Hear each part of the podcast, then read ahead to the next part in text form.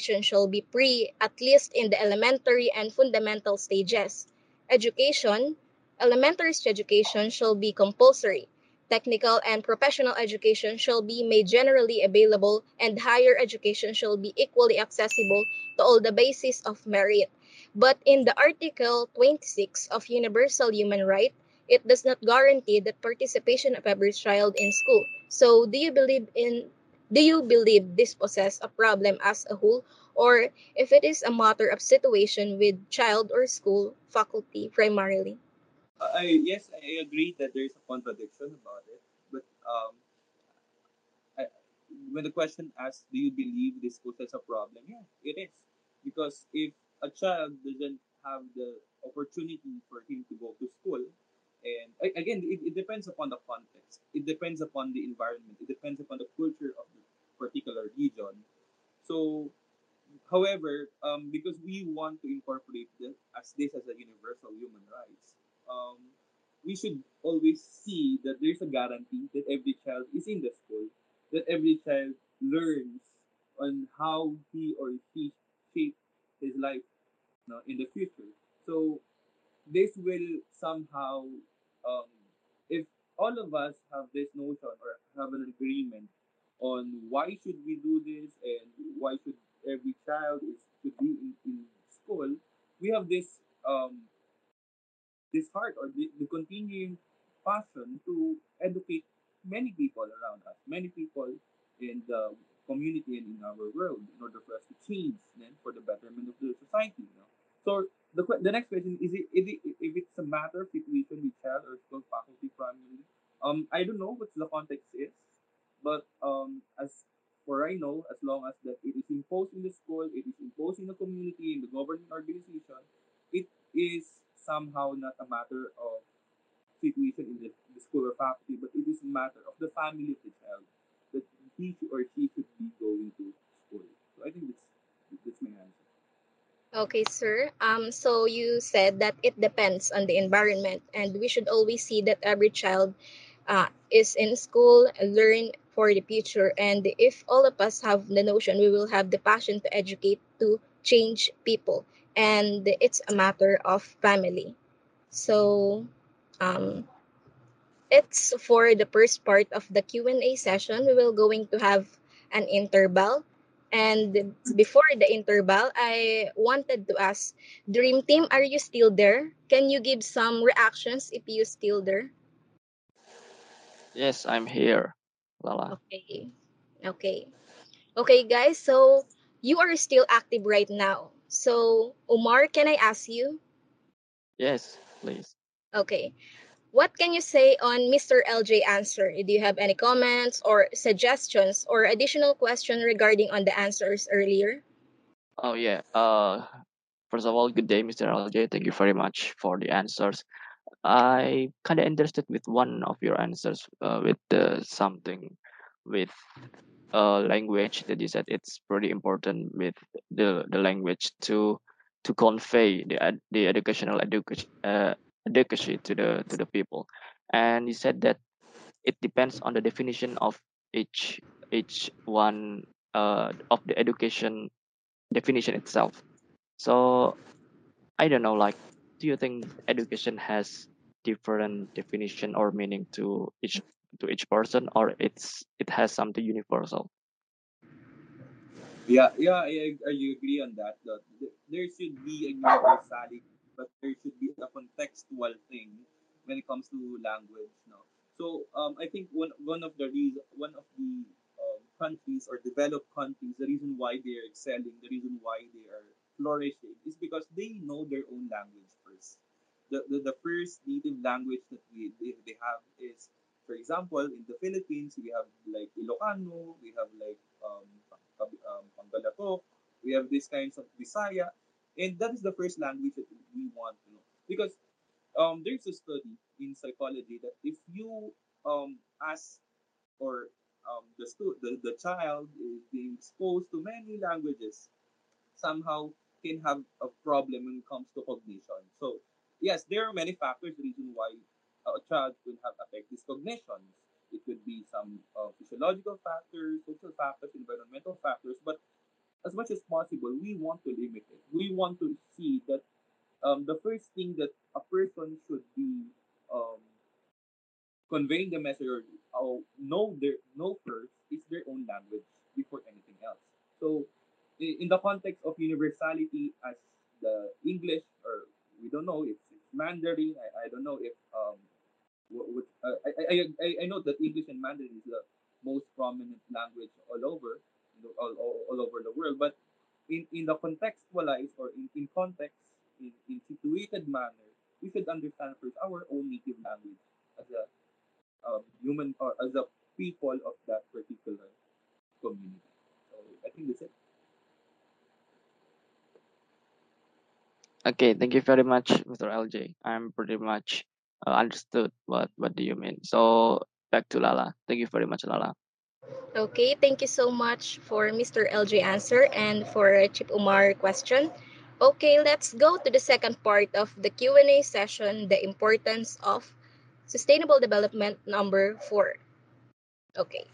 Education and money are two different things which are interlinked. Do you have any experience sir, regarding the people who thinks formal education isn't as, isn't as important as making money? Do you think it's okay that people believe in that? Okay, so the question is, do you have any experience regarding people who think formal education isn't as yeah yes I am. Um, here in the Philippines, we have what we call demographic dividends.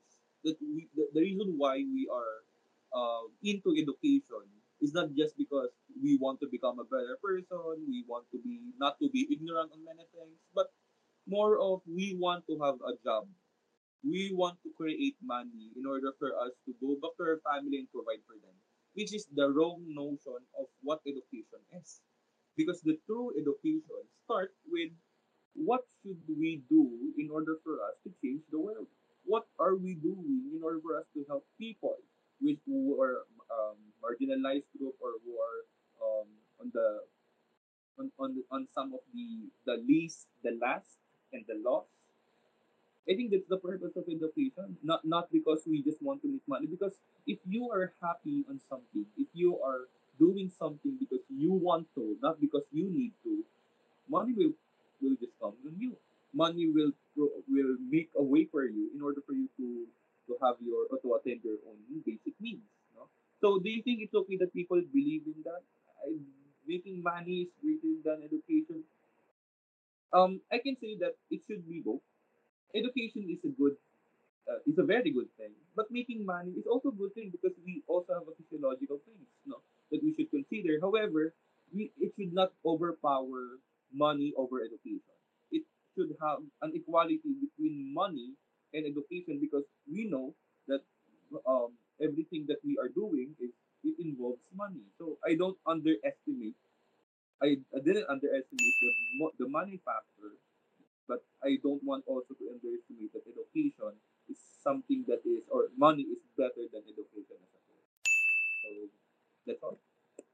Okay, sir, thank you so much for your answer. So, based on your answer, people want to have job in order to have money, and it is the notion that we are always see in communities. And I want to add that wealth might buy might buy what you want, but education allows you to understand what you need to live a better quality of life.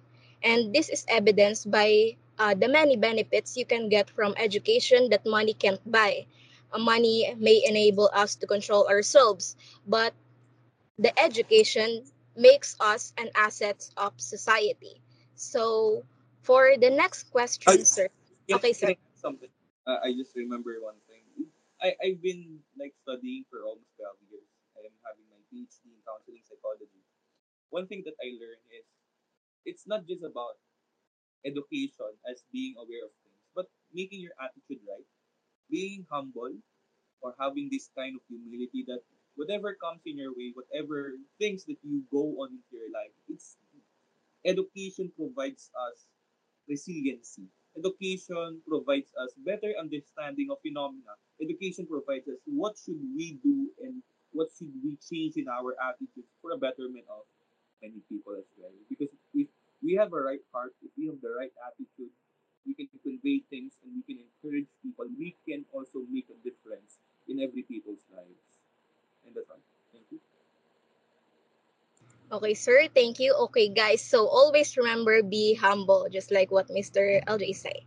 Okay, next question. Is there any point of your life that makes you aware or more aware of the importance of quality education? Oh, yeah. I, I am. Uh, actually, um, is there a point of my life that make you aware or more aware? um, I just understand what quality education is because I experienced quality education. That um, education or education is not equated with memorizing facts or many things that or you have many license, many degrees that you have, or many many names um, continued in your name.